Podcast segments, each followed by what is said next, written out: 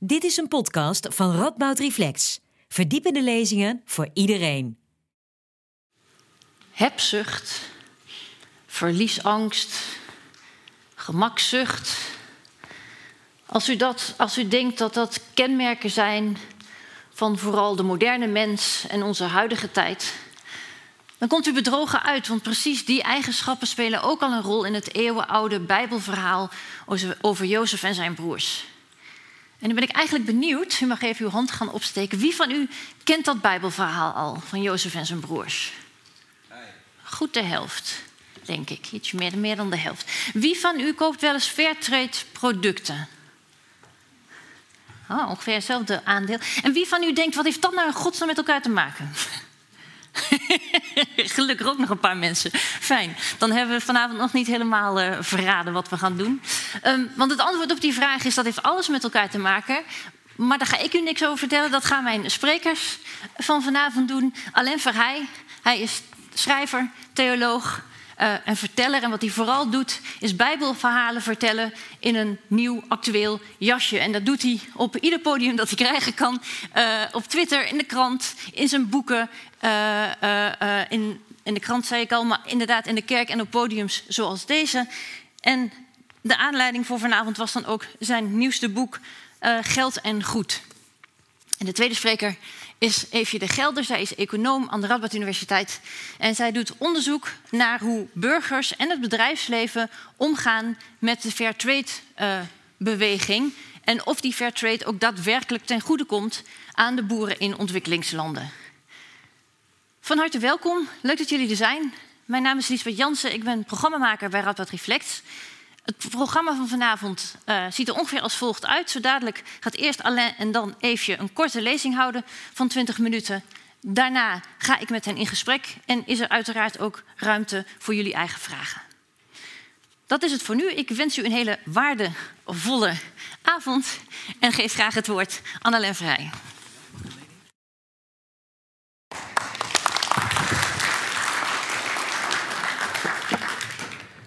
Hallo, goedenavond allemaal.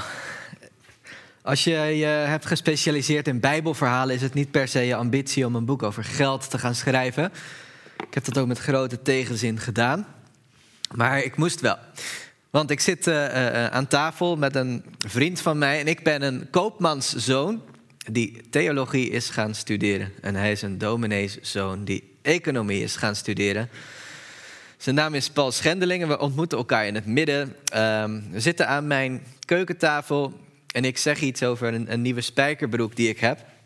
Waarbij ik de losse flodderopmerking maak. Ja, ik wil eigenlijk niet weten wie er heeft gewerkt aan die spijkerbroek. Zitten er kinderhandjes aan? Uh, wat voor loon hebben de mensen gekregen die die spijkerbroek hebben gemaakt? Uh, was het onder veilige omstandigheden dat die werd geproduceerd? Nou goed, dat zei ik. En toen zei ik, maar wil je nog wat drinken? En het gesprek ging verder. Het was een gezellige avond zo uh, met elkaar. Maar wat ik niet wist, is dat Paul Schendeling dit uh, als een levensveranderende vraag heeft ervaren. Hij dacht namelijk, ja, waar ben ik anders econoom voor? Ik ga wel gewoon uitrekenen hoeveel mensen er hebben gewerkt voor die spijkerbroek van Alain. Goed, dat werd een, uh, een jarenlange zoektocht met andere academici en uh, het is helemaal doorgerekend uiteindelijk. Hij kwam erachter dat een gemiddeld Nederlands huishouden gebruik maakt van 2 FTE aan werkkracht in niet-westerse productielanden. Dus als jij een gemiddeld Nederlands huishouden bent, heb je twee fulltime werknemers in niet-westerse landen. Uh, die mensen worden vaak niet zo goed betaald als wij. Uh, die mensen werken vaak onder arbeidsomstandigheden die we in Nederland niet zouden accepteren. En Paul, die dit heeft uitgerekend, concludeerde: ja, maar waarom zou ik iemand het glas van mijn telefoon ergens in een ver land laten schoonmaken met kankerverwekkend schoonmaakmiddel voor 2 euro per uur. Als ik mijn eigen glazenwasser thuis in Amersfoort nooit zo zou behandelen. Dat is een vraag uh, waar bij hem uiteindelijk drie boeken uit zijn gekomen in de, in de tussentijd. En hij keek me aan en dacht: Ja, Alain, het is allemaal door jou begonnen. Schrijf jij anders eens een theologisch boek over economie? Dus hier sta ik dan. Goedenavond. Het is goed om hier te zijn. U weet wat het schuldige moment is geweest. En ik ging zoeken. Ik ging zoeken in die oude Bijbelverhalen. Zitten hier ook economische lessen in? Heeft de Bijbel en hebben die personages daar ook iets te zeggen over onze verhouding uh, op financieel gebied met elkaar en met onze naasten? En. Uh, ja, die zoektocht leidde me naar uh, eh, 700 Bijbelverhalen. Maar het verhaal van Jozef is denk ik het meest ronde verhaal. En dat is het verhaal waar ik vanavond met jullie over ga spreken. Het verhaal van Jozef, uh, veel mensen kennen het wel. Het is een van de populairste verhalen. Je zou kunnen zeggen dat het over hoop gaat en over een leven vol ontbering, wat uiteindelijk wel weer goed uh, op zijn pootjes terechtkomt. En dat zit er ook allemaal in. Maar je kunt Bijbelverhalen als je dat wilt, ook allemaal met een soort economische bril lezen. Het begint allemaal met een man. Hij heet Jacob. Hij geldt als de aartsvader van het hele volk Israël, want hij heeft twaalf zonen. Ook minimaal één dochter. De rest, daar is ons niets over verteld. We weten in ieder geval dat hij eh, twaalf zonen heeft. En hij uh, beschikt over uh, minstens vier vrouwen bij wie hij die zonen heeft verwekt. Uh, we zitten in een patriarchale samenleving. Het kon zijn dat een man vele vrouwen had. Het gebeurde niet dat een vrouw vele mannen had. Ik vestig hier even extra de aandacht op, omdat we het er net heel even over hebben. Het is uh, vandaag de dag dat een Europese vrouw gemiddeld genomen kan stoppen met werken omdat het verschil in loon tussen mannen en vrouwen zo groot is dat in feite gemiddelde Europese vrouw vanaf 15 november voor niets zou werken. Ik noem het maar heel eventjes, nu ik hier toch sta. Jacob, in een patriarchale economie zou je kunnen zeggen, beschikt over vier vrouwen, maar heeft één lievelingsvrouw. En Jozef heeft het geluk dat hij een zoon is van Jacobs lievelingsvrouw. Als je elf broers hebt, moet je nogal je best doen om op te vallen. En om een beetje aandacht te krijgen van je vader. En om wat gedaan te krijgen en wat privileges te krijgen. En omdat Jozef uit de lievelingsvrouw komt, heeft hij vanaf zijn geboorte al privileges. Hij is het lievelingszoontje. En dat zal iedereen weten ook. Hij wordt verwend door zijn vader. Een beetje voorgetrokken. En zijn broers krijgen een milde hekel aan hem vanaf zijn kleuterjaren. Het wordt steeds erger. Want op een bepaald punt gaat hij rare dromen krijgen, deze Jozef. Jozef droomt dat de zon en de maan en twaalf sterren zich voor hem buigen. En dat komt toevallig precies overeen met het aantal ouders dat hij heeft en het aantal broers dat hij heeft. En dan um, gaat hij dat ook nog eens vertellen aan die broers en aan zijn vader. Die kunnen die rekensom allemaal maken. En die denken: hé hey jongetje, je hebt wel heel veel dromen in je hoofdje zou ze niet al te hardop uitspreken volgende keer. Maar uh, Jacob, de vader die zijn kind voortrekt, besluit daar toch nog overdrevener in te worden. En regelt een prachtige, felgekleurde mantel voor Jozef. En zo heb je dus een aantal kinderen rondlopen, onder wie elf broers. En de twaalfde broer loopt in een felgekleurde, schitterende mantel rond. En iedereen kijkt ernaar en weet dat dat het kleine prinsje van het huis is. En die broers krijgen een afschuwelijke hekel aan Jozef. Jozef die ook nog eens niet op het veld hoeft te werken zoals al zijn broers. Want hij loopt een beetje rond en hij roddelt met alle mensen in het dorp over zijn broers. En het kan niet lang goed gaan. En de broers waren jaloers. En je zou kunnen zeggen dat de kern van dit probleem een economisch probleem is. Je hebt namelijk een onderscheid tussen degenen die niets hebben, die zelf een, uh, een ruwe mantel voor zichzelf moeten regelen, en degenen die voorrechten hebben. Jozef, de enige jongen die een prachtige jas zomaar krijgt. Een privilege is daar en elke dag is dat zichtbaar en elke dag zorgt dat voor onlusten en onvrede. En die onvrede als een soort maatschappij in het klein, die groeit zodanig dat de elf have-nots, degene zonder gekleurde mantel, een list bedenken om hun broer dood te maken. Ze pakken die mantel van hem af, scheuren hem, doen hem onder het bloed en gooien de jongen in de put. Gaan ze naar hun vader terug en zeggen ze dat hij door een roofdier is verscheurd. Met een grijns pakken ze die mantel nog eventjes mee. Toch krijgt er eentje spijt. Eentje zegt, ja, maar dit kunnen we zo niet doen. We kunnen onze broer toch niet vermoorden? Weet je wat we moeten doen? We verkopen hem als slaaf. Ja, zegt de rest, dat is een fantastisch idee. En dat doen ze dan. Er komt een karavaan langs met Midjanieten. Dat is een ander volk net en die reizen eigenlijk alleen maar rond tussen verschillende plaatsen. En ze nemen goederen mee, gom en hars en misschien ook wel mooie jassen en mooie jongens. Ze kopen Jozef van de broers en ze vervoeren Jozef door naar Egypte, een bruisend imperium waar deze buitenlandse slaaf op de markt wordt verkocht. Je ziet hier, zou je kunnen zeggen, ehm, de onzichtbare hand van de markt. Een beetje zichtbaar worden. Want de broers moeten ergens zo snel mogelijk vanaf, tegen elke prijs. Ze verkopen het aan de onzichtbare hand van de markt. De mensen die zeggen, ja, wij handelen gewoon alleen maar. Hier is vraag, daar is aanbod en we doen er een beetje marge op. Zij kopen Jozef voor een klein bedrag. Ze nemen hem mee door de woestijn. En ze brengen hem naar Egypte toe, waar heel erg veel geld is en een grote vraag naar een sterke Hebreeuwse jongen die goed zal kunnen en moeten werken. En daar verkopen ze hem, die Midjanieten, die karavaan, aan iemand die niet weet waar de jongen vandaan komt die die koopt. Hij ziet alleen maar gewoon een sterke, prima werkkracht. Hij legt daar netjes de gevraagde prijs voor neer. En dan gaat die karavaan weer weg. De daders, de schuldigen van deze slavernij, namelijk de broers en die karavaan die het allemaal hebben gefaciliteerd, zullen nooit weten hoe het verder gaat met Jozef. En dat is ook precies de bedoeling. De slavenarbeid gebeurt buiten je zicht. Je stopt het ver weg buiten de beschaafde wereld. We hebben niets gezien. De economie heeft zijn werk gedaan. Er was vraag, er was aanbod en er was een markt. En we gaan weer door met ons leven. Maar Jozef zit daar in de tussentijd. En Jozef wordt toevallig de slaaf van een hooggeplaatste ambtenaar bij de farao. Waar hij vrij hard werkt en waar hij veel talenten blijkt te hebben. En voor de tweede keer in zijn leven wordt Jozef het lievelingetje van iemand. Dit keer niet van zijn vader, maar van zijn eigenaar.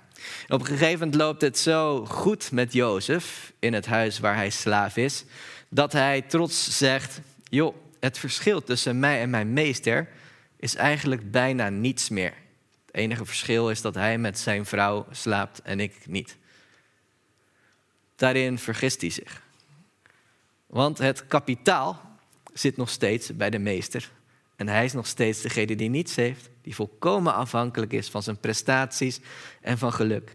En van de goodwill van zijn meester. Een meesteres. Deze meesteres uh, heeft erg veel goodwill voor Jozef. Want Jozef heeft naast alle andere privileges en gelukjes die hij heeft gehad in zijn leven, ook nog eens een goed uiterlijk. Ik heb mij ooit door een uh, uh, jonge moslima een islamitische overlevering horen vertellen die niet in de Bijbel staat, maar wel een mooie aanvulling is. Mevrouw Potifar, de eigenaar van Jozef, vindt hem zo mooi dat zij op een gegeven moment met Jozef naar de keuken loopt, waar alle vrouwen aan het werk zijn, die staan hun groenten te snijden. En terwijl Jozef binnenkomt, staan ze met open mond naar Jozef te kijken en snijden ze allemaal hun vingerkootjes uh, door. Goed, die leg ik bij u neer, deze ook een vorm van economie. Jozef heeft iets unieks, een prachtige, exotische schoonheid is hij. En mevrouw Potifar wil met hem naar bed. Ze wil het laatste verschil tussen hem en zijn meester ongedaan maken. Slaap met me, mijn, meester is, eh, mijn man is toch altijd maar aan het werk. Hij zal het nooit weten. Uh, laten we dat maar gewoon doen. En Jozef wordt op die manier verleid, maar hij weerstaat die verleiding. Want, zegt hij nogmaals, er is maar één verschil tussen mijn meester en mij. En dat bent u. Als ik dat verschil te niet doe, verspeel ik alles. Maar mevrouw Potifar, als hooggeplaatst ambtenaarsvrouw in een van de rijkste landen ter wereld, is niet gediend van een nee. Ze wil iets hebben en ze zal het krijgen. Ze randt Jozef aan. Jozef probeert te vluchten. En buiten wordt hij door de politie opgewacht. En komt hij erachter dat hij totaal geen rechtspositie heeft als buitenlandse slaaf in Egypte. Hij wordt vals beschuldigd dat hij degene is die de aanranding doet en komt in een gevangenis terecht. Dat is hoe het uh, verder gaat met Jozef. En weer is hij eigenlijk dieper gezonken en hij is erachter gekomen dat het al die tijd een illusie was dat hard werken loont. En dat het al die tijd een illusie was dat het eigenlijk niet uitmaakt hoeveel geld je op je bankrekening hebt als je maar talenten hebt. Want meneer Potifar was al die tijd zijn eigenaar.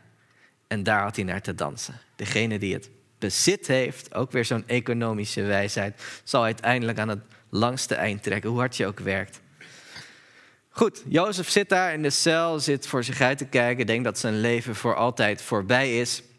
Maar voor de derde keer gebeurt het, dat hij iemands lievelingetje wordt. Krijgt weer privileges, want de gevangenisbewaarder blijkt van hem te houden. Hij vindt hem een prachtige, geschikte kerel, geeft hem de sleutels van andere cellen en hij mag dan op die andere gevangenen letten een beetje. Krijgt voor de zoveelste keer weer wat voorrechten en lijkt weer een beetje op te krabbelen.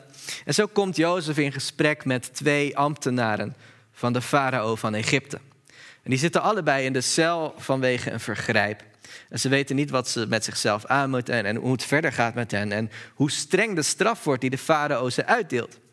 Maar allebei hebben ze een droom gehad. De schenker van de farao, die het water en de wijn voor de farao inschenkt, die heeft een droom gehad en vertelt hem aan Jozef. En Jozef zegt, die droom betekent dat jij over een paar dagen gewoon weer bij de farao mag werken. Maar de bakker van de farao, die zijn broodjes bakte, die denkt, nou, dan zal mijn droom ook wel goed aflopen. Maar die heeft een vreemdere droom gehad. De droom dat er vogels op zijn hoofd zitten en in de broden pikken die op zijn hoofd liggen. En Jozef zegt, sorry, jouw droom loopt niet goed af. Niet elk leven is een sprookje. Je hebt nou eenmaal nachtmerries en dromen. En jij zult ter dood worden veroordeeld. En zo gebeurt het. En zo krijgt Jozef de, uh, de reputatie van iemand die precies weet een droom te wegen. Vroeger had hij allerlei ambitieuze dromen, Jozef. Maar de laatste tijd weet hij ook wel dat het leven soms gewoon verschrikkelijk is.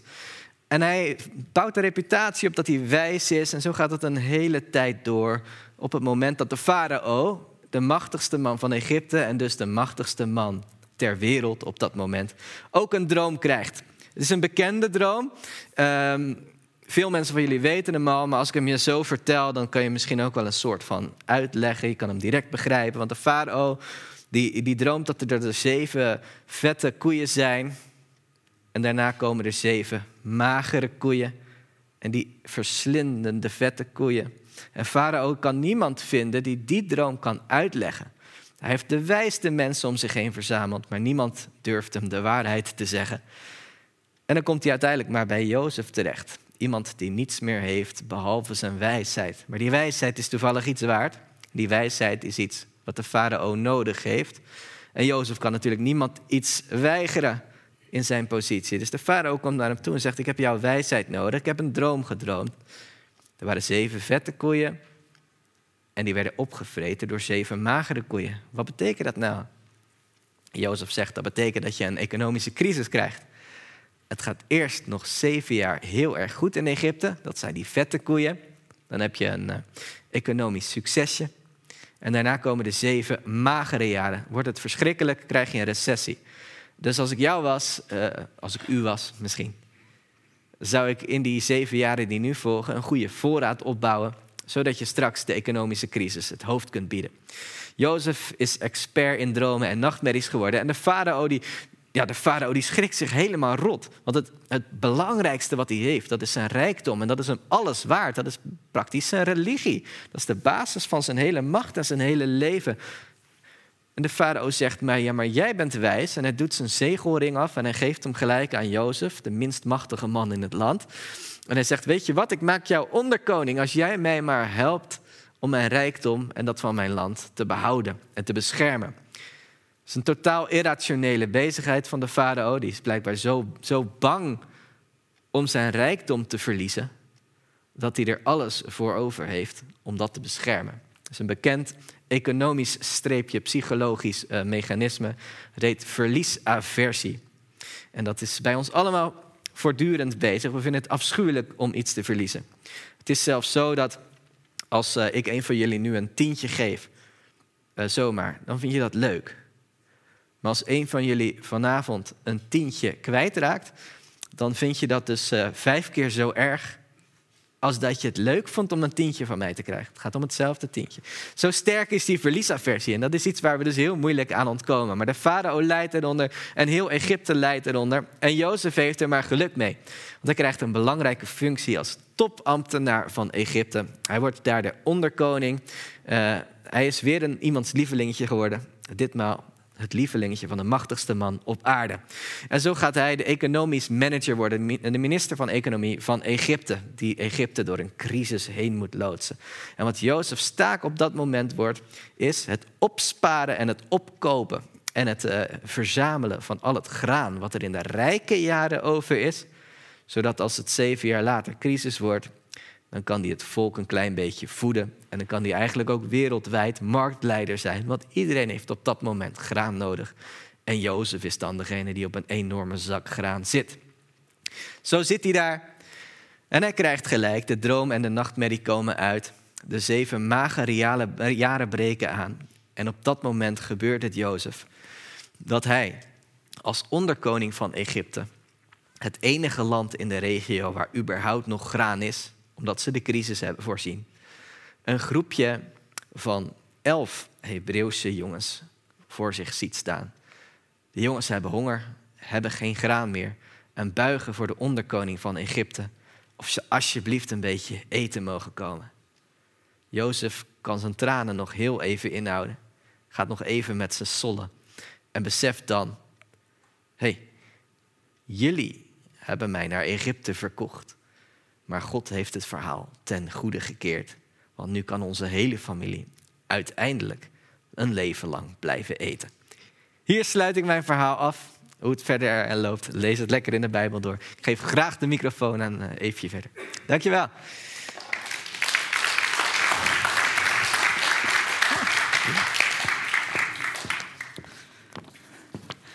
Ja, goedenavond allemaal. Dankjewel voor uh, het feit dat ik hier vanavond voor jullie mag uh, zijn.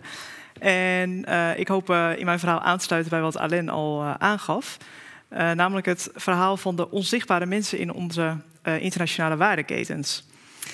Ehm, en vanavond hebben we het over geld en macht en vrijheid. En dat zijn natuurlijk hele grote woorden als je erover nadenkt. Het zijn hele grote concepten. Het ook, hangt ook allemaal af van hoe je dat definieert.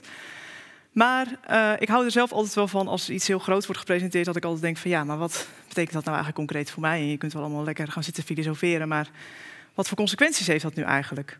En hoe geven we dat nu eigenlijk praktisch uh, vorm in mijn leven of uh, in iemands leven of in de wereld, in het meer algemeen? En zo ja, past mijn verhaal eigenlijk ook wel in het hele verhaal over geld, vrijheid en macht.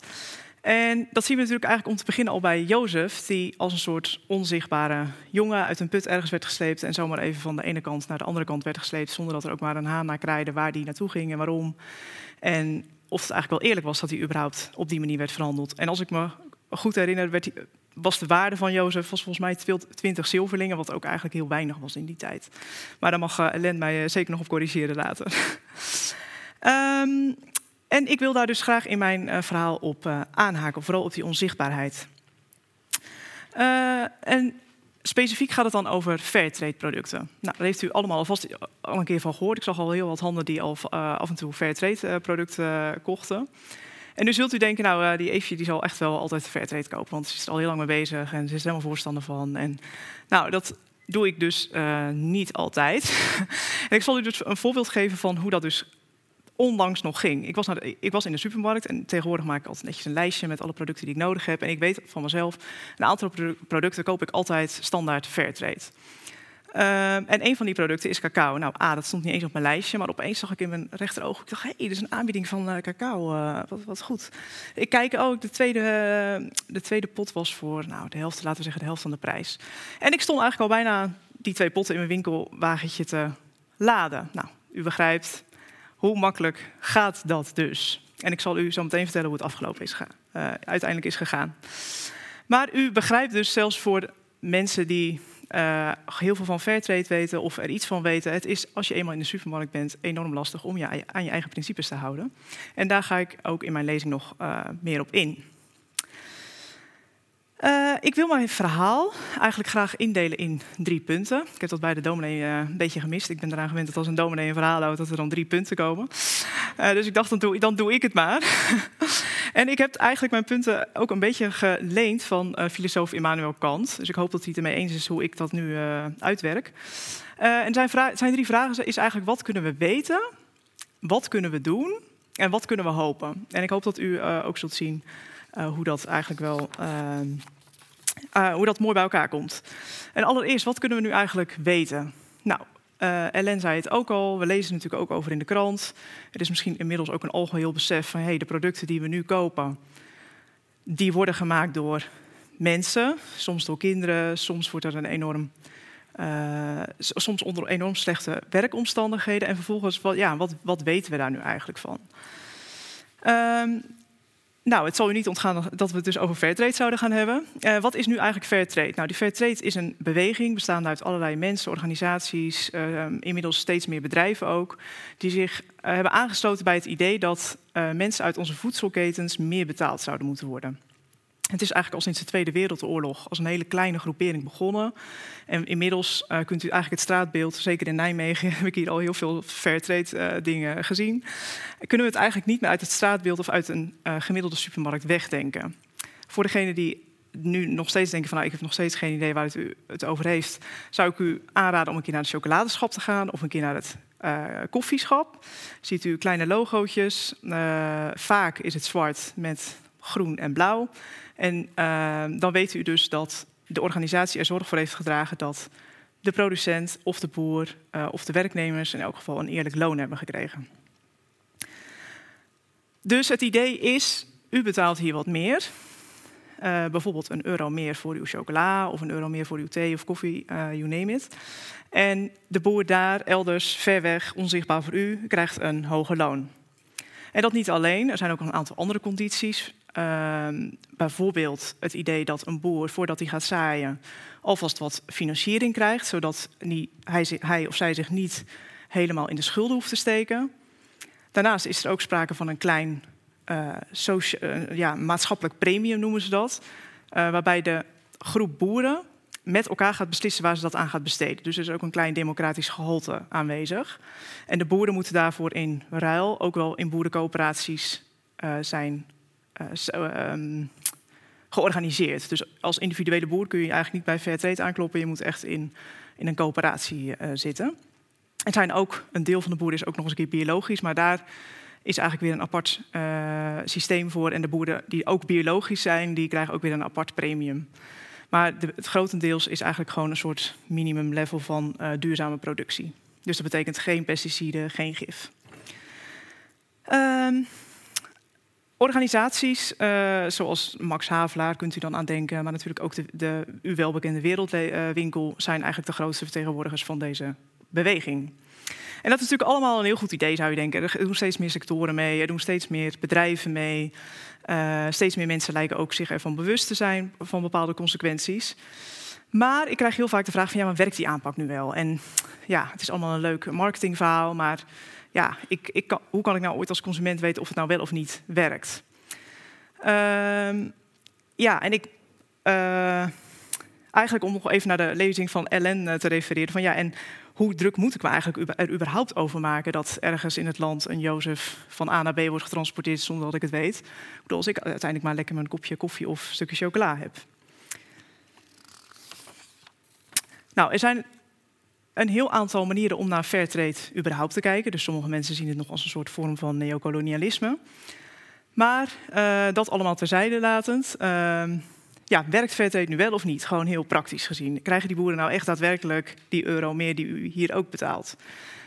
Um, nou, ik zal u zeggen, het definitieve antwoord is daar gewoon nog niet op gevonden. Het kan in sommige situaties heel goed werken, in andere situaties niet. En dat is heel, eigenlijk, als u erover nadenkt, heel logisch. Een groep boeren in Friesland bijvoorbeeld hoeft helemaal niet dezelfde problemen te hebben als een uh, boer in uh, Limburg. Het land is anders, de mensen zijn anders, gaan anders met elkaar om. Nou, zo werkt dat elders niet, niet heel veel anders. De ene boerencoöperatie is de andere niet.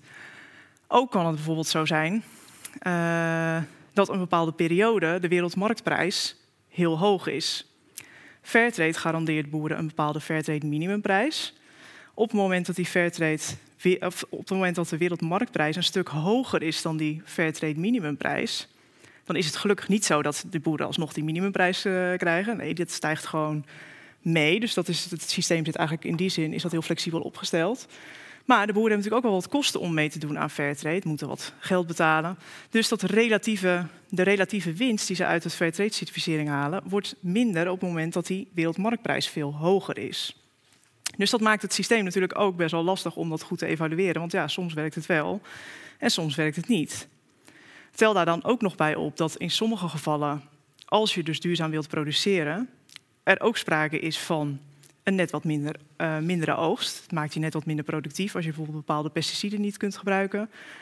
Of uh, bepaalde, een bepaald gif wat niet meer mag, betekent dat jij zelf extra hand, handarbeid moet gaan verrichten, waardoor je eigenlijk weer hogere kosten hebt op dat vlak. Dus het zijn allemaal ja, checks en balances die per regio en per land enorm kunnen verschillen. Uh, u zult dus eigenlijk kunnen stellen: oké, dus ik als consument uh, kan iets. Ja, het is maar de vraag of als ik daar iets extra's voor betaal, of als ik dat ga steunen, of dat dan ook daadwerkelijk wel bij die boeren terecht kom, komt. Ja, u kunt, u kunt ook stellen: ja, er is in elk geval wel een kans. nou, er is ook nog een andere visie en die zegt van ja. Uh, dat is best wel een belangrijke visie ook, omdat het heel erg uh, ja, onszelf ook aanspreekt in de zin van, ja, fairtrade is eigenlijk gewoon een vorm van nieuw kapitalisme. Het is gewoon weer een manier, het is gewoon weer een marketingverhaal. Opnieuw, natuurlijk, de boeren worden heus wel wat geholpen natuurlijk, maar het relatieve verschil tussen hoe wij leven en hoe de boer leeft, of hoe een producent leeft, of een werknemer in Bangladesh, hoe die leeft, is zo gigantisch groot. En die mensen uiteindelijk, natuurlijk, ze krijgen wat geld, maar het basic idee is nog, alsnog, die mensen staan ten dienste van een westerse economie en krijgen uiteindelijk niet de kans om een eigen economie op te bouwen. En waarom niet? Omdat wij hen eigenlijk aan een soort, ja, een soort infuus hebben gelegd. Dus dat is ook een, een visie die je op Fairtrade kunt hebben. En die mensen, of die de stroming, die focust zich vaak veel meer op... Uh, het moet een helemaal een heel andere economie worden... die niet zo op uh, kapitalisme gericht is. En met kapitalisme bedoel ik dan bedrijven die vooral op winst gericht zijn, die geen sociale of maatschappelijke of expliciet maatschappelijke doelen nastreven. En vaak ook vervuilend uh, en dus heel onsociaal bezig zijn. En het idee is dan ook dat wij als westerse consument een veel te veel in een, ja, een consumentistische wereld leven, waarin we eigenlijk alleen maar leven om te consumeren. En dat moet radicaal anders. We moeten ons veel meer gaan richten op het goede leven. En dat betekent dus voor u als consument min, zo, überhaupt zo min mogelijk kopen, tweedehands spullen, minder consumeren. Ja, en fair trade is dan ook leuk, maar ja, dat, u moet alleen de super fair trade producten kopen, die dan uh, vaak echt op de niet winstgerichte bedrijven, uh, van, van niet winstgerichte bedrijven komen. En ook met een, natuurlijk met een hele morele engagement. Nou, dat is best wel een zware opgave voor heel veel mensen. En ik hoor u ook denken van ja, hoe, hoe kan ik dat nou ooit gaan doen? En ik zeg u overigens niet dat ik eh, van de een meer voorstander ben van de ander. Dat, laat ik, dat mag u helemaal voor uzelf uh, uh, beslissen. Ik geef u die vrijheid. Um, maar het is in elk geval even om te laten zien van hey, dit zijn twee manieren hoe je naar zo'n systeem kunt kijken.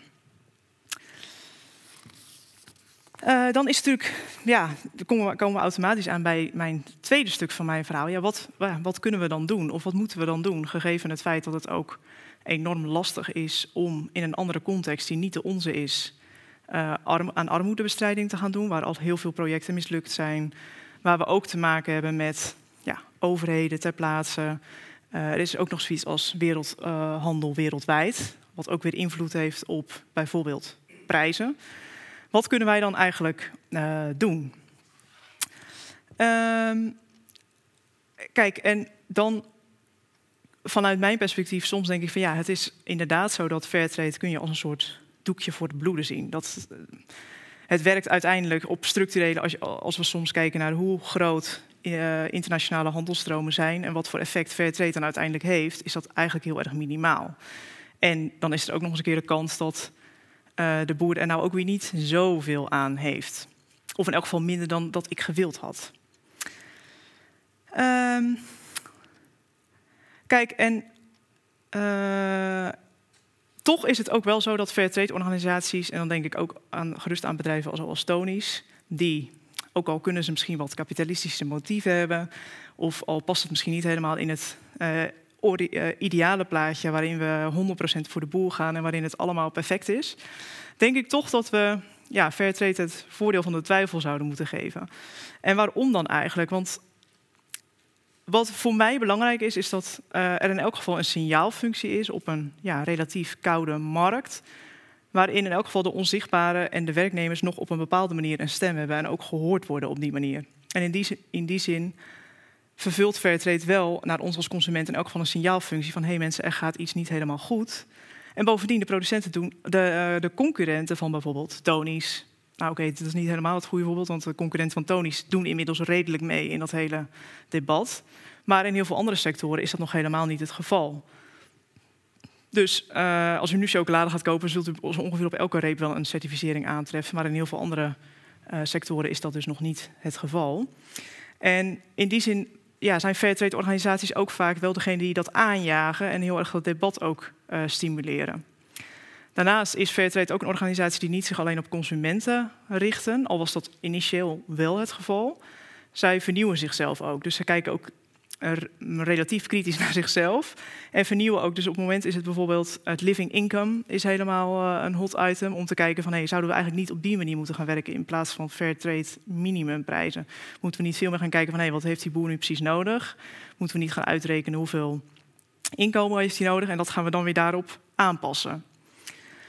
Dus Fairtrade heeft voor mij uh, in elk geval een hele, ook al is het niet perfect in deze imperfecte wereld überhaupt, het is in elk geval een belangrijke aanjager geweest en vervult daarnaast een uh, signaalfunctie voor degene die we anders niet zo, niet zo snel op het netvlies uh, zouden hebben. Maar ja, zult u dan zeggen, kijk, als we dat dan toch weten, hoe kan het nou dat ja, we als consument toch vaak niet in staat zijn om ons te houden aan onze ja, duurzame ideeën of duurzame voornemens? U we weten hoe het vergaan is met die, cacao. Uh, nou, in de consumentengedragwetenschap, oftewel de marketing, is natuurlijk ook al heel veel nagedacht van hey, hoe vermarkt je nu uh, bepaalde producten. Uh, zeker als het gaat over producten met een morele lading. dat zou je toch kunnen stellen van Fairtrade, dat het een bepaald moreel appel op ons doet. Iets, ja, dit product is rechtvaardiger dan het andere.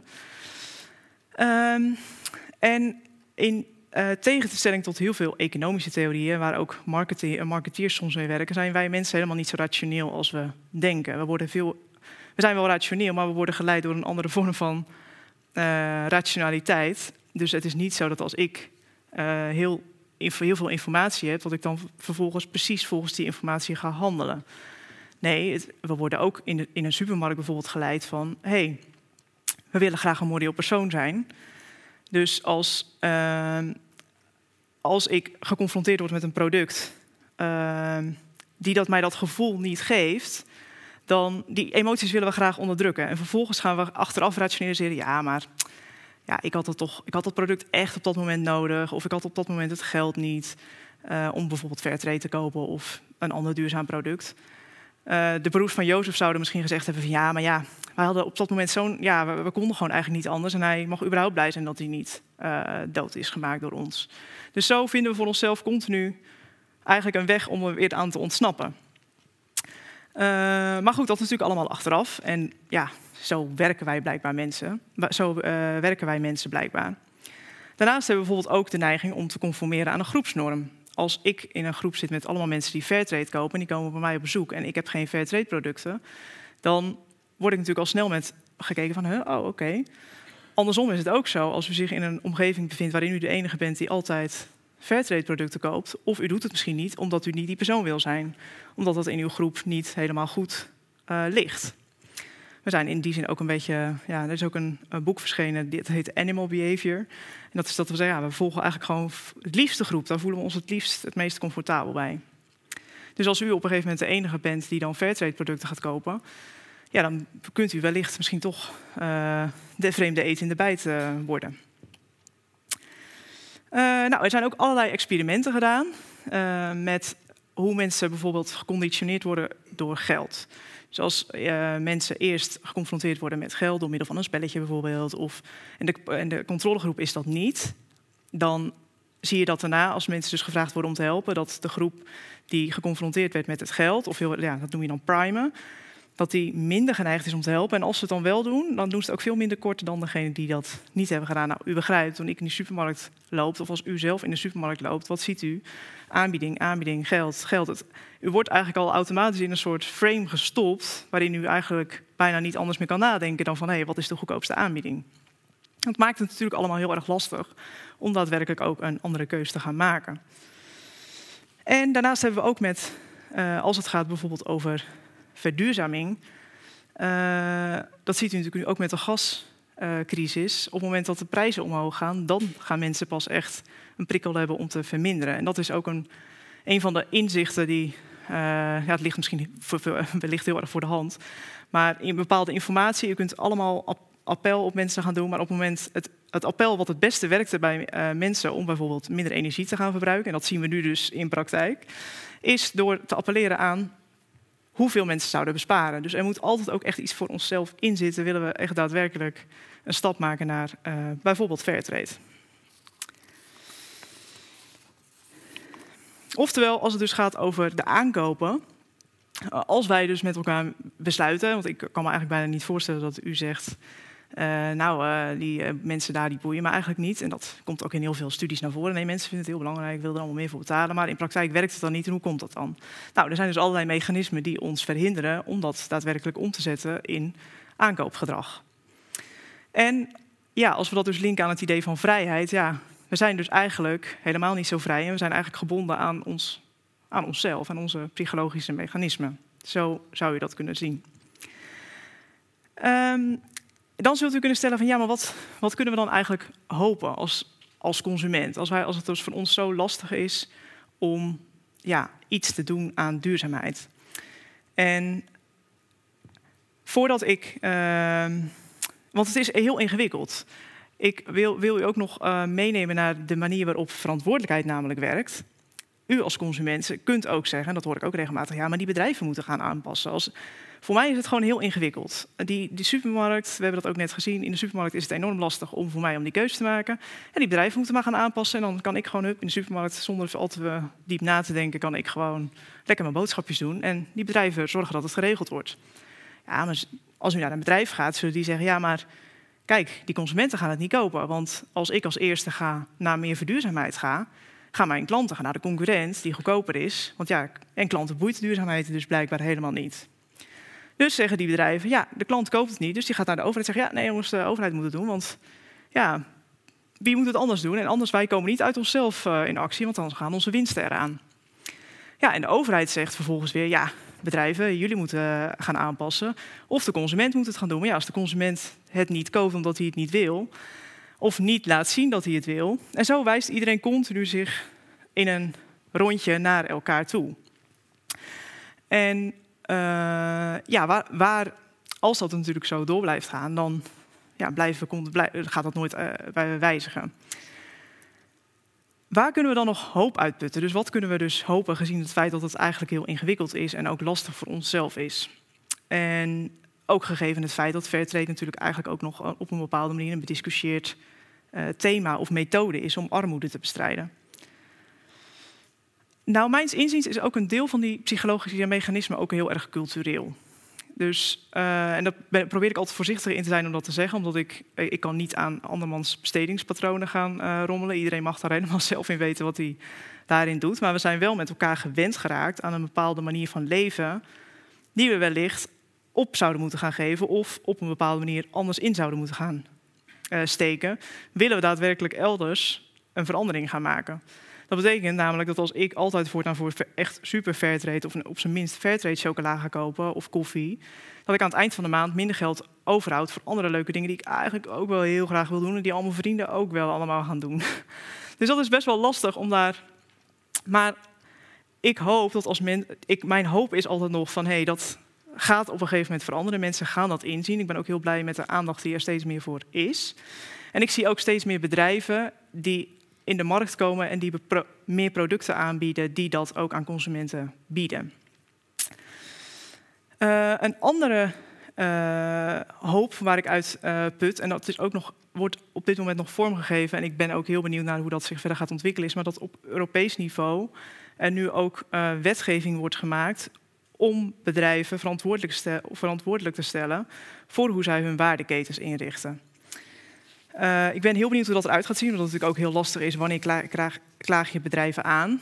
Uh, voor bedrijven is het soms ook enorm moeilijk om echt transparant helder, of om heel helder te kunnen krijgen waar iets vandaan komt, wie, wie er precies betrokken is in een land waar je bijvoorbeeld bepaalde grondstoffen vandaan haalt. Ehm, maar ik vind het een hoopvol teken. En eh, nou ja, als u nu aan mij vraagt van ja, wat, wat moet ik dan precies doen? Uh, doe bewuste boodschappen en waardeer ook vooral voedsel. Voedsel komt ergens vandaan. Of het nu hier uit Nederland komt of uit een ander land, het maakt niet uit. Uh, voedsel is iets heel kostbaars en zouden we eigenlijk ook veel meer als waardevol moeten zien dan dat we nu zomaar achterloos soms nog allerlei restjes uh, weggooien. Nou ja, en om, om eigenlijk hiermee af te sluiten, nou, wat is nou eigenlijk gebeurd met, of heb ik die Fairtrade chocola, of die niet Fairtrade chocola aanbieding nog uiteindelijk nog gevolgd? Nou, het was eigenlijk ook weer nee, en dat had helemaal geen morele reden. Want ik was het namelijk uiteindelijk gewoon helemaal vergeten. Ik had geen tas bij me, dus ik had het weer teruggezet met het idee van ik ga dat later kopen. En toen ben ik het vervolgens gewoon simpelweg vergeten. En inmiddels heb ik ook bedacht van ja, heb ik eigenlijk wel altijd wel zoveel cacao nodig? Nou, het antwoord is nee, dus ik ga daar sowieso iets, uh, probeer daar iets zuiniger mee om te gaan. Ja, en nu is de vraag natuurlijk, ga ik in de toekomst nog een keer zo'n aanbieding weer staan? Nou ja, ik hoop van wel, maar ik hoop met een betere reden. Dus uh, bedankt voor jullie aandacht.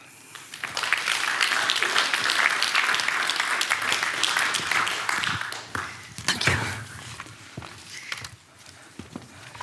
Dankjewel, Eefje en Alain. Ga lekker zitten. Schenk water in, precies. Oh, ook voor mij, Met de schenker liep het goed af.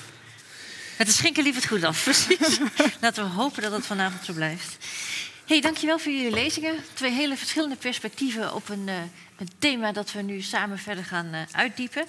We hadden elkaar van tevoren al even gesproken en toen hadden we gezegd... het is een lang verhaal. Jozef en zijn broers, je hebt het net al heel mooi even samengevat. Uh, maar om het gesprek wat beter te kunnen toespitsen... gaan we even drie soort hoofdstukjes nu inbouwen rond drie korte fragmentjes uit dat verhaal. Uh, ik ga beginnen met dat eerste fragment even kort voor te lezen en daarna gaan wij met elkaar in gesprek. Uh, het eerste fragment is uit het begin van het verhaal en het gaat zo. Jozef, die inmiddels 17 jaar was, weide gewoonlijk samen met zijn broers de schapen en de geiten. Hij hielp de zonen van zijn vaders vrouwen, Bilha en Zilpa. En alle praatjes die over de broers de ronde deden, vertelde hij aan hun vader door. Omdat Jacob al oud was toen Jozef werd geboren, hield hij meer van Jozef dan van zijn andere zonen en had hij een prachtig bovenkleed voor hem laten maken in allerlei kleuren. De broers zagen wel dat hun vader het meest van Jozef hield. Daarom konden ze Jozef niet uitstaan en konden geen vriendelijk woord voor hem af.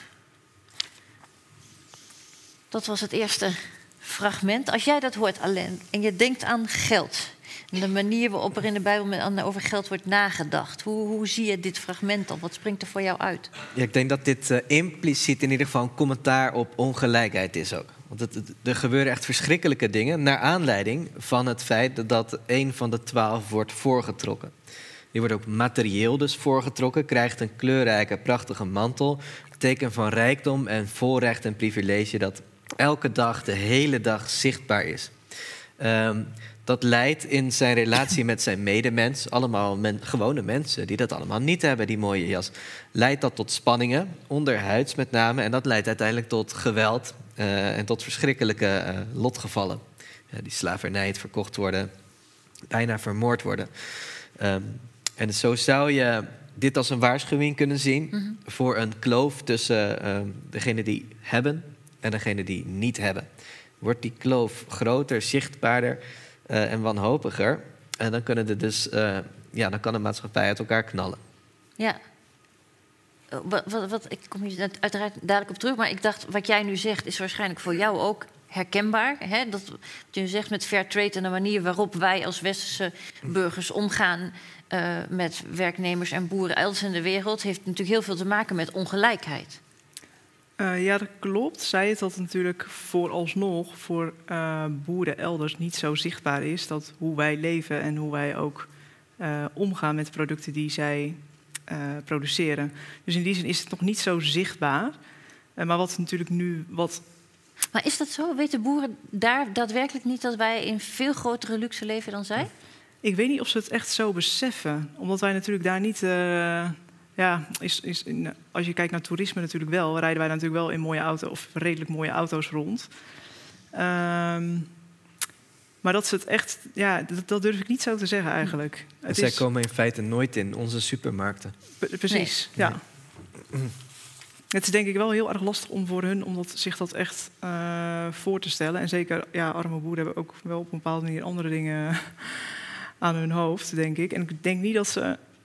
Maar goed, dat verschilt ook per regio. Soms zullen, Mm. Dus ik denk dat ze zich eerder, maar dat is deels vanuit mijn ervaring, dat ze zich veel al eh, drukker maken over ongelijkheid in hun eigen regio. Mhm.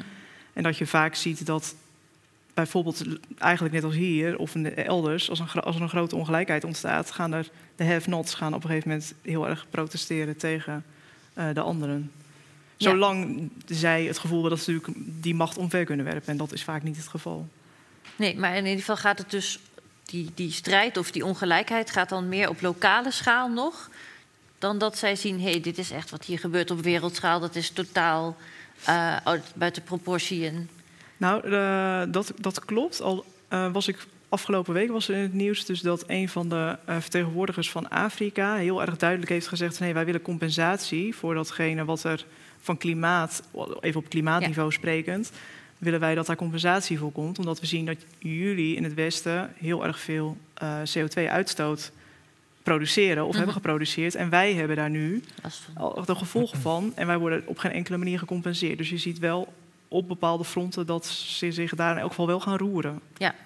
Maar dan gaat het ook inderdaad vooral over de vertegenwoordigers van landen. Maar je zegt die boeren op, de, nou ja, op, op, op het land, op de werkvloer...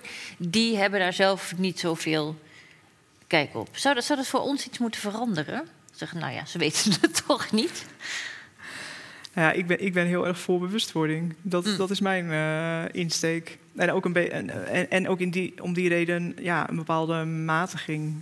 En, en dat is wat. eh, ook omdat ja, ik denk dat het systeem in de, op de langere termijn zo niet eh, houdbaar is. Mhm. We staan natuurlijk wel in relatie tot deze mensen. En dat is iets wat we een beetje lijken te zijn vergeten. Hè. De, wo- de grap wordt wel eens gemaakt hè, van die basisschoolkinderen die dan. hè, hoe wordt kaas gemaakt? Ja, dat groeit in de supermarkt. Die, die grap natuurlijk niet helemaal waar, maar het is wel een beetje misschien de westerse ervaring soms. Alles ligt daar, alles is daar altijd op voorraad. Ik weet dat ik zelf erg ontstemd ben als iets niet op voorraad is. En dat is de Mhm. afgelopen twee jaar wel eens gebeurd ineens. Ik hoe kan dat nou in Nederland, 2020 eh, was het dan. Ehm, eh, maar we staan natuurlijk in relatie met alle mensen die dat produceren. En, Ja. en die relaties, ehm, die moeten we niet vergeten. Die moeten we herontdekken. Want er hebben gewoon handen gezeten aan de koffiebonen... ehm, die ik ochtends sta te malen. En dat zijn handen van iemand die ik nooit zal ontmoeten... Nee. maar met wie ik wel een relatie heb. Gewoon echt een directe economische relatie. En Ja. dat besef moet weer... eh, Ja, dat was ook een mooi voorbeeld wat jij in het begin van je lezing gaf. Dat als diegene direct eh, bij jou in de straat zou wonen, bij wijze van spreken... Ja. je wist dat hij voor zo weinig geld onder deze omstandigheden dat werk doet... Dat zou ik me rot schamen. Ja, Ja. precies. ja, dat zou ik niet kunnen verkroppen. Nee, het feit dat het onzichtbaar is. Ja, die zichtbaarheid en het besef, de bewustwording... dat is denk ik een, een eerste belangrijke eh, stap. Ja. Ja. En, en doet, doet Fairtrade dat? Bijdragen aan bewustwording van? Eh, ja, ik denk het, eh, ik denk het wel. Ehm, ik, ja, ik zou nu eigenlijk bijna willen vragen aan de Ja. zaal... wie weet dat er vorige week de Fairtrade... of twee weken terug was, dat de Fairtrade, eh de Fairtrade Week was. Dus dat betekent dat... Nou, ze hebben inmiddels ook een samenwerking blijkbaar met Albert Heijn... dus dan zijn de spullen bij de Albert Heijn allemaal x aantal, x eh, procent korting. Mhm. Ehm, en een van de redenen waarom ik zelf ooit toch weer Fairtrade producten ben gaan kopen... omdat ik dus eerst heel erg dacht van... nou, ik weet toch allemaal niet hoe het werkt en het is ja, het pro- probleem is veel structureler. Zit op een veel hoger niveau. Dat ga ik helemaal niet aanpassen met mijn kleine. Nee. Op een gegeven moment ging ik toch me daar weer op bezinnen. En toen dacht ik van nee, ik vind het eigenlijk toch belangrijk gezien de signaalwaarde. En stel dat Fairtrade het dus in de jaren 50, 60, 70, 80 allemaal niet opgepakt had. Wie had dat dan gedaan? Mhm. Al was er anders wel een, überhaupt een stem geweest die had gezegd van hé, er zijn ergens elders mensen voor ons aan het werk. En ik vind juist dat ze daar echt wel aan bij hebben gedragen. Ja, je loopt in de supermarkt hè, en dan kun je dus kiezen. Nou, hier zijn mensen voor uitgebuit, hier niet. Dat effect krijgt het toch een beetje. Dat vind ik ook met die, die sterren van diervriendelijk vlees bijvoorbeeld. Ik zeg nou, deze heeft één sterretje beter leven, deze twee en deze drie en deze niet. Ja, dan ga je toch op zijn minst in het midden zitten. Omdat je denkt van, nou, oh, dus blijkbaar is dit dan niet fair trade. En ik vind die bewustwording alleen al in dat schap vind ik wel heel confronterend. Ja. Met chocola heeft inmiddels inderdaad op elke verpakking wel een, eh, eh, een keurmerk staan. En dan verzinnen ze ook nieuwe keurmerken, waardoor we het helemaal niet meer weten. Overzichtelijk. Eh, Enorm Rainforest en eh, UTZ. en verder. Dus dat wordt dan ook wel weer moeilijker. Maar ik vind dat wel degelijk als je aan het winkelen bent en je ziet daar de uitzondering staan van ehm, dit is bewust geproduceerd, dan word je je dus ook zelf weer bewust van dat al die andere keuzes misschien minder over na is gedacht. Ja. En dat vind ik toch, ja. Ja. Bij, bij chocola is dat gelukt, bij eieren is dat gelukt. Eh, scharrel is een succesverhaal en bij vlees ook wel. Maar suiker is bijvoorbeeld ook nog een voorbeeld. Ja, dan denk je ook niet meer naar even een pak suiker kopen. Maar dat zie je nu ook, fairtrade opties. Ik Ja. denk wel dat dat iets, eh, dat die signaalfunctie is ook waardoor ik het zou kopen. En ook gewoon omdat het eh, de markt iets laat weten. Ja. Nee, er zijn blijkbaar mensen die het kopen. Dan Ja. is het voor ons misschien ook interessant om zo'n keurmerk te krijgen. Klopt. Ja. En je ziet natuurlijk ook, eh, er is altijd een soort kritische massa nodig om een bepaalde industrie echt die omslag te laten maken. Eh, dus op het moment dat alle concurrenten zien van, oh, dat hele, diegene die dat Fairtrade eh, logo heeft, eh, die is eigenlijk een beetje van ons marktaandeel aan het afsnoepen. Nou, dan moeten, daar moeten we misschien toch wel iets mee Ja. gaan doen. Dus je ziet wel dat het ook een soort aanjaagfunctie heeft. Ja, ik dacht, ik dacht ook opeens weer aan het verhaal. En dat je aan het begin eh, alleen in je lezing zei van de kern is dat. Eh d- d- dus een soort, een, toch een economisch verhaal in de zin van dat Jozef heel erg bevoordeeld wordt door zijn vader. Hij krijgt een dure jas, hij krijgt nou ja, allerlei dingen die zijn broers niet krijgen. Maar ik dacht, misschien gaat het niet alleen maar om geld en om economie, maar ook om aandacht. Wat hij krijgt door die jas en door al die andere dingen, Ja. is aandacht. Ja. Het speelt, hoe, in hoeverre speelt dat hier ook een rol? Ja, ik denk dat aandacht, eh, dat is in deze decennia een van de waardevolste dingen die we hebben. Hm. Ook economisch gezien. Ehm, dat is namelijk, eh, internet is één groot gevecht om je aandacht. Hm. Iedereen die iets op internet maakt is bezig met kijken hoeveel tijd besteedt men hieraan. Hoe krijg ik jou zover dat je daarop klikt en niet daarop. Dus aandacht is juist iets heel waardevols, ook omdat het schaars is. Hè. We hebben heel erg veel wat onze aandacht vraagt. Ja, Ehm, en zo, ja, die keurmerken worden zo ook een klein beetje een gevecht om, om om aandacht. aandacht. Ja, Ehm, ja, Ja, ja, precies. dus dat is een van de waardevolste dingen die we hebben ook. Die, ook die we te geven hebben. Mhm. Dat beseften die broers van Jozef.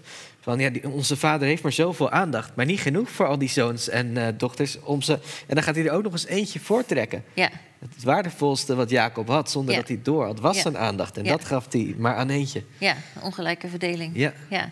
Ja, dus niet alleen van geld, maar ook van Ja, waar, we, waar Ja. we onze aandacht op richten Ja. en wie er ja, in de kijker staat. Want dat hoorde ik ook in jouw verhaal. Hè, van ja, mensen in ontwikkelingslanden worden gewoon, we, zien we zien ze niet.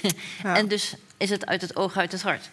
Klopt. En ik denk ook als, eh, dat een bepaald ja, respect zeg maar, voor degenen die eh, voor ons produceren en eh, vaak ook best wel hard werken. ehm, ja, dat is wel eh, op zijn plaats. Eh, Hm. ja. Ja, zeker. Het gaat ook om een bepaald erkenning. Dus het gaat vaak bij mensen helemaal, ook als je mensen iets wat. Laten we zeggen, in het Westen, stel dat er iemand eigenlijk volgens de normen of volgens een sociale norm iets meer betaald zou moeten krijgen, maar als diegene alsnog een bepaalde waardering krijgt, Mhm.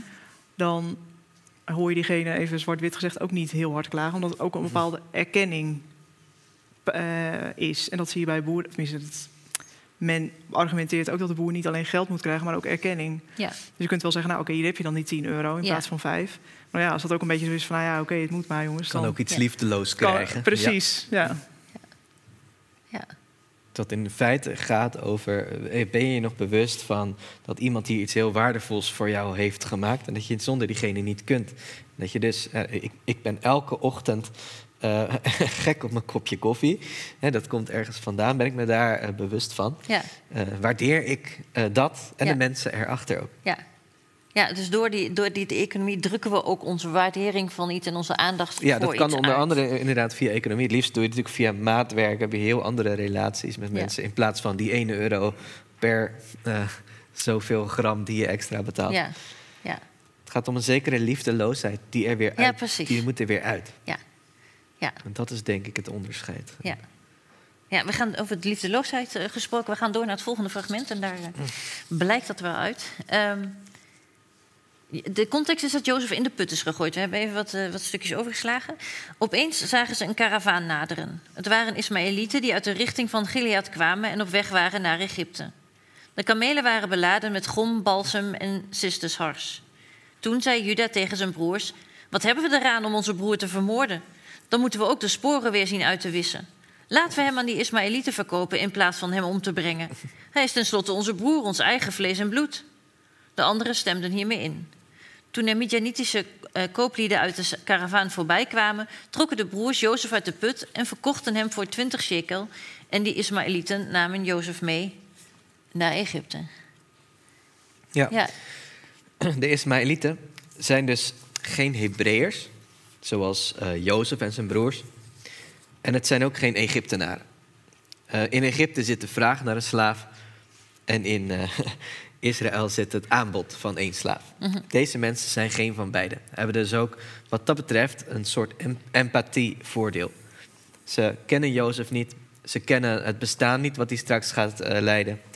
Um, ze herkennen zichzelf niet in Jozef, want ze lijken er niet op. En ook niet in de slavendrijvers, want daar lijken ze ook niet op. Ze zijn echt een tussenpersoon. En een beetje anoniem. Hè? Vergeet ons maar gelijk weer. Je geeft ons een centje, wij krijgen daar een centje. En wij vervoeren gewoon wat jullie willen dat wij vervoeren.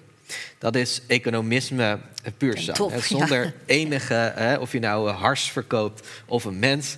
Het maakt niet uit. Uh, waar de markt is, is nou ja, goed, ik zou dat noemen de onzichtbare hand van de markt op zijn lelijkst. Mm -hmm. Dan heb je gewoon het koude marktdenken van hier is vraag, hier is aanbod. En dat faciliteren we, want daar kunnen we een marge van maken.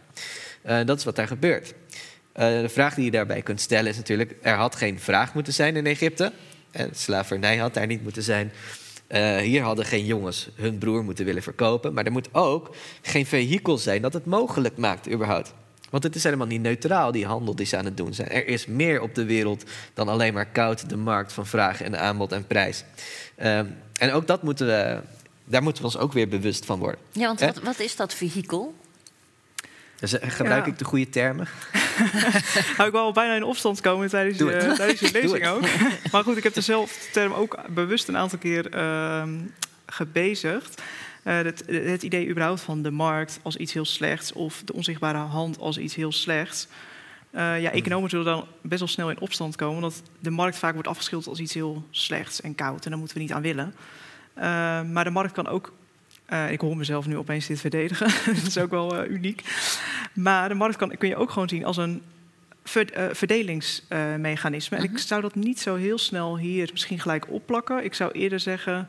Ja, het is eigenlijk meer hoe internationale handelsketens werken... met hele individuele kleine marktjes. Dus het is niet soort de markt die dit helemaal faciliteert. Het is meer allerlei kleine stukjes... die we allemaal eigenlijk die heel lastig te kennen zijn. Dus die Potifar die wist waarschijnlijk helemaal niet van dat hele slavenverhaal en de transport af. Die zag gewoon een sterke jonge man om uh, bij hem in, dienst te, te, nemen. En zo zie je dat nu ook. Wij zien een stuk chocola, maar je weet niet dat het ook in België is geweest. En toen eerst uit Amsterdam kwam, meer met een schip uit Afrika. Daar zijn ook weer drie of vier stappen doorlopen. Uh, ja, en ik zou dat... Ja, het is gewoon eigenlijk een ja, transport geweest. Ja, en heel, heel onmenselijk. Onmenselijk in de zin van onpersoonlijk? Uh, ja, heel onpersoonlijk. En ook, ja, de, de, vraag is natuurlijk... Ja, slavernij was in die tijd waarschijnlijk heel normaal. Mm. Ja. dus waarschijnlijk was het niet zo... Ja, in die, in die contraien was het normaal om iemand gewoon even mee te nemen. Ja. Maar met de blik van nu zou je natuurlijk kunnen zeggen... het was een heel onpersoonlijke transactie met, met, een, met iets wat tot goed gemaakt werd. En ook gewoon helemaal niet meer gezien werd als mens. Ja. En dat, ja... Maar jij zei in principe is dat eigenlijk niet zo'n probleem die koude hand van de markt. Want dat is zoals het gaat. Dat is dus een manier om goederen te verdelen. Ja, nou, het verschilt natuurlijk per markt hoe dat gaat. Maar in principe is een markt kan in principe gewoon heel goed werken als een soort verdelingsmechanisme. Ja. Van hey, er is hier zoveel graan, er is daar zoveel uh, ja. vraag. Ja. Uh, het kan ook zo zijn dat als er niet... Ja, het is heel simpel. Als er bijvoorbeeld niet genoeg eh, vraag is voor dat graan... gaat de prijs omlaag, omdat je het anders niet verkocht krijgt. En anders moet je het allemaal weggooien. is ook zonde, zeg maar. Uh, wat het meer het echte probleem is, is dat de actoren niet een bepaald ja, moreel besef, hoe je dat dan ook verder definieert, uh, hebben. Waardoor er een bepaalde situatie ontstaat die uh, voor Jozef eigenlijk heel onaangenaam is. En in het geval van internationale handelsketens zijn bepaalde mensen de dupe van een bepaalde onrechtvaardigheid. Ja. Dus mensen worden onderbetaald, hebben vervolgens een heel uh, een leven wat we zelf helemaal niet zouden willen leiden. Of zitten continu in stress of kunnen zichzelf niet ontplooien op een manier zoals wij Dat Ja. hier bijvoorbeeld wel. Maar ja, dan zou je natuurlijk ook kunnen zeggen van ja, maar waarom is dat mijn verantwoordelijkheid? Want er zitten inderdaad nog twintig stappen tussen. Wat kan ik als ik nou, wat maakt het nou uit of ik die reep chocola of die reep chocola koop? Ehm, die, die handelsketens blijven toch wel bestaan. Eh, dat, dat is zo. Eh, dat, tenminste, nou, dat is dus niet per se zo. Eh, dat lijkt zo te zijn, Ja. maar ik denk toch dat iedereen op, op, een bepaalde individu, eh, op het individuele niveau een verantwoordelijkheid moet nemen. En, en ja, ook moet denken van, hey, kan, kan ik dit? En ook ehm, als je dus een bepaalde aankoop doet, ook al heeft het dan misschien niet een soort direct effect, kan wel een bepaalde signaalfunctie hebben. Mhm.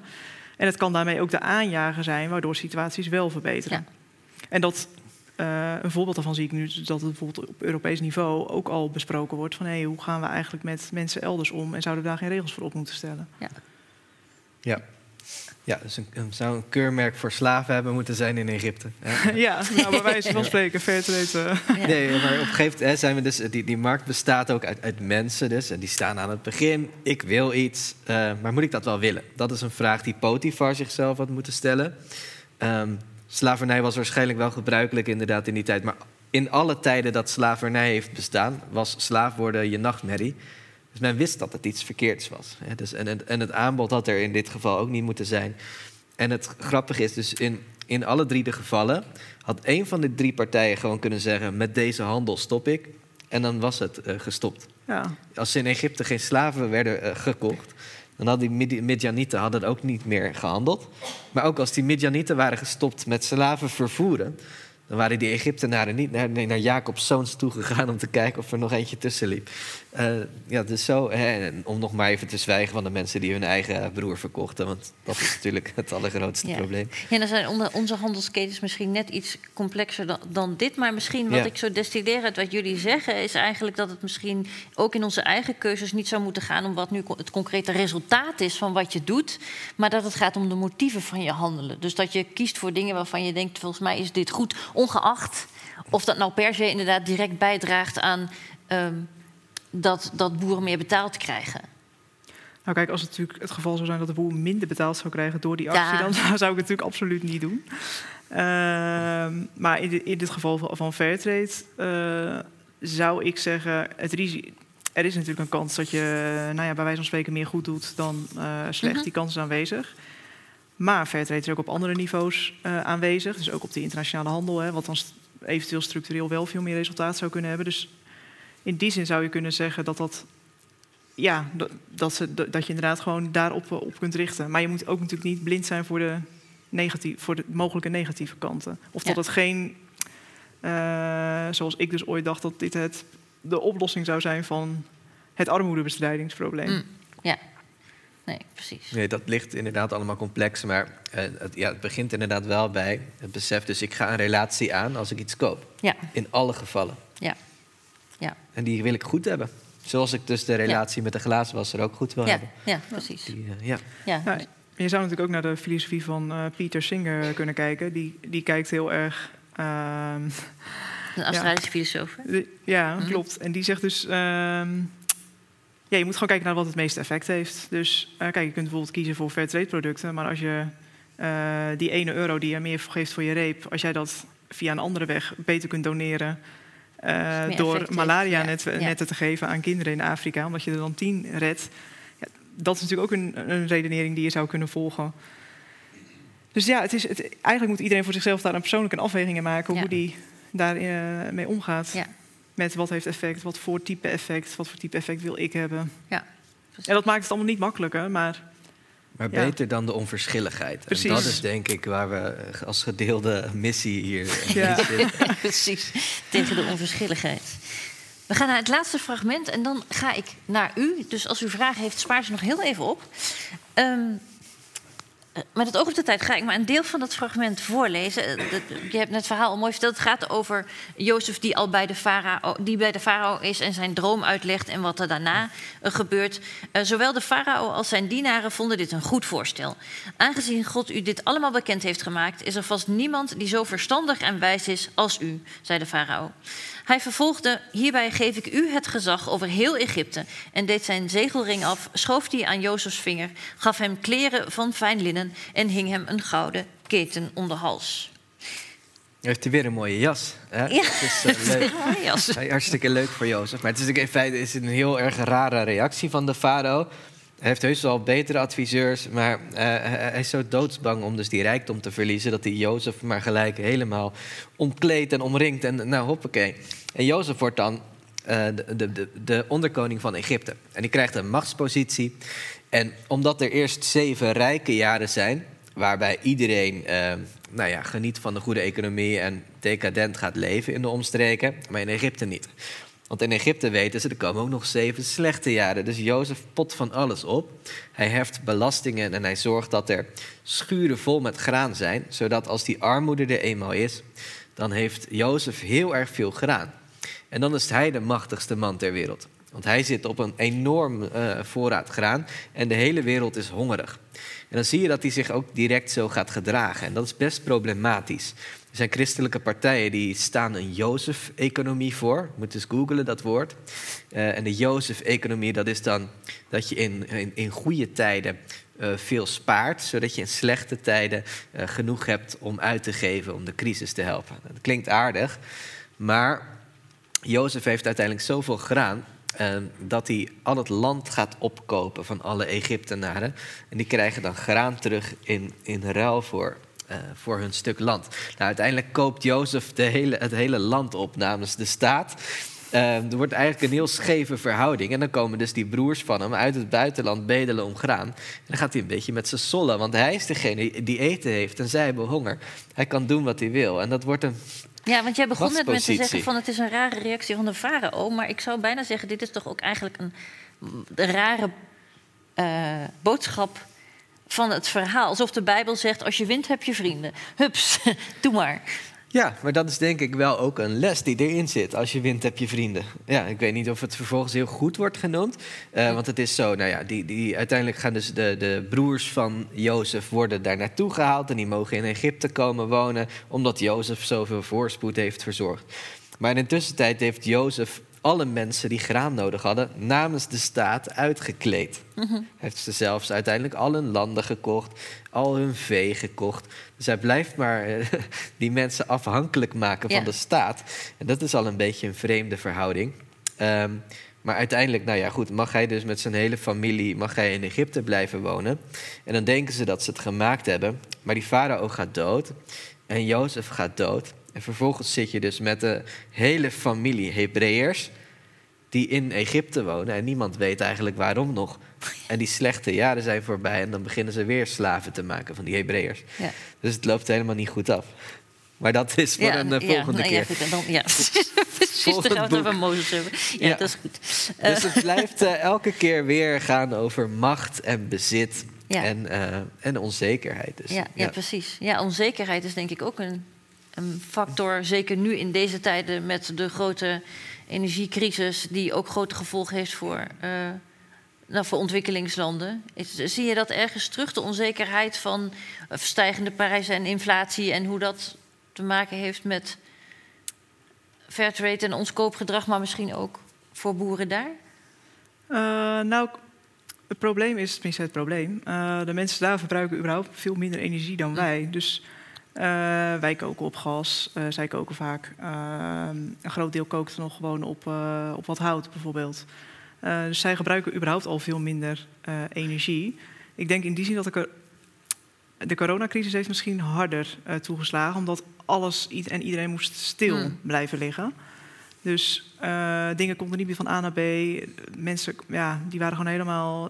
De, de oogst werd niet meer opgehaald, bijvoorbeeld. Of Mhm. dat, dat soort dingetjes. Mhm. Dus ja, wij zijn eigenlijk veel meer energieafhankelijk dan, eh, dan zij. Ja, maar de, de onzekerheid is daar denk ik groter. De onzekerheid is groter. En eh, ook welke gevolgen het ja, mondiaal gaat hebben, weten we natuurlijk nog niet. En de boer is vaak altijd degene die aan het eh, kortste eind Hm. trekt. Dus consument, dat, is- dat is eigenlijk een soort andere verantwoordelijkheidsketen. Waarbij, de, waarbij je dus ziet dat de boer, iedereen zeg maar, in de keten, die draait zijn hoofd om van ja, je bedrijf, jij moet het oplossen. En, dan, en wie staat er achter de boer zeg maar, om, het, Ja. om iets op te lossen? Nee, de boer moet altijd voor zichzelf opkomen, maar zit vaak in een situatie van enorme armoede.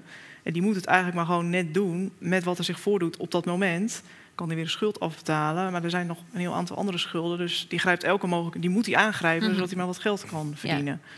En ja, wij hebben een overheid die dat relatief goed bepaalde onzekerheden voor ons oplost. Of ja, we bezuinigen we op wat uh, dingen. Maar een boer heeft die situatie vaak is vaak helemaal niet in die situatie. Dus dat is natuurlijk ja, een enorme... Zodat ze vaak producten moeten verkopen, misschien zelfs onder de productieprijs... om überhaupt geld te hebben om hun gezin te voeden. Nou, dat, is in, dat klopt. En dat is ook een, echt een van de redenen waarom Fairtrade ook ooit begonnen is. Omdat boeren uh, geen informatie hadden over de marktprijs. Dat is natuurlijk tegenwoordig beter geregeld... omdat boeren vaak wel een mobieltje hebben... of in elk geval wat meer informatiemogelijkheden. En uh, er kwamen vaak tussenhandelaren. En de boer die zat in een situatie van... ja, ik kan, nu, ik kan het nu niet verkopen... maar ik weet niet wanneer de volgende persoon weer komt. Ik ken de marktprijs niet. Ja, en ik heb nu... Eigenlijk gisteren had ik het geld al nodig. Ja. Dus dat, ja. ja. Dus dan ga je voor de omzet in plaats van voor de... Ja, ja. ja. Dus trouwens, uh, over graantekort gesproken is natuurlijk wel de laatste, het laatste jaar in de uh, Rusland-Oekraïne-oorlog. Uh, zijn er wel ook letterlijk graantekorten geweest of vragen naar of er nog graan zou zijn. Hè? Omdat die transporten ja. werden tegengehouden van Oekraïnse graanoogst. Um, dus daar kwam Jozef ook alweer even vervaarlijk dichtbij, zeg maar. Ik heb het toen laten vertellen door een um, econoom, maar ik weet niet... Dat schijnen graanvoorraden te zijn ook op de wereld. Graan opslagen die in feite klaar liggen, maar die politiek worden beheerd. Dus Aha. mocht er een enorm. Nou, zei dat is met een heel uh, een van de nou ja, problemen die ik dus wel met de wereldmarkt heb, überhaupt, is dat er dus veel. Uh, de wereldmarkt wordt ook gebruikt om te speculeren. Of dat met graan specifiek het geval is, zou ik niet geen uh, expliciet ja of nee, maar het verbaast me niks. Dat ik, als ik het hoor, dan denk ik, oh, dat verbaast me niks. Want dat gebeurt soms ook met koffie of met graan of met cacao.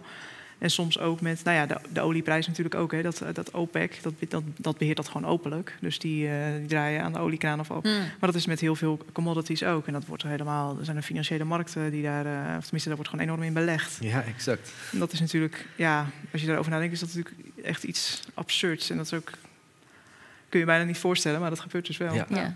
Jozef ten Top, die inderdaad overal de controle over heeft ja. en beslist wie er wel graan mag kopen en wie, en wie niet. Klopt. Ja, dus ja. dan krijg je uiteindelijk een situatie van uh, er is genoeg om van te leven. En dat is denk ik sowieso een, een conclusie die we moeten. De aarde heeft genoeg voor Mhm. iedereen's mm -hmm. uh, honger. Uh, maar dus niet voor iedereen's hebzucht, zou je ja. kunnen zeggen. Ja.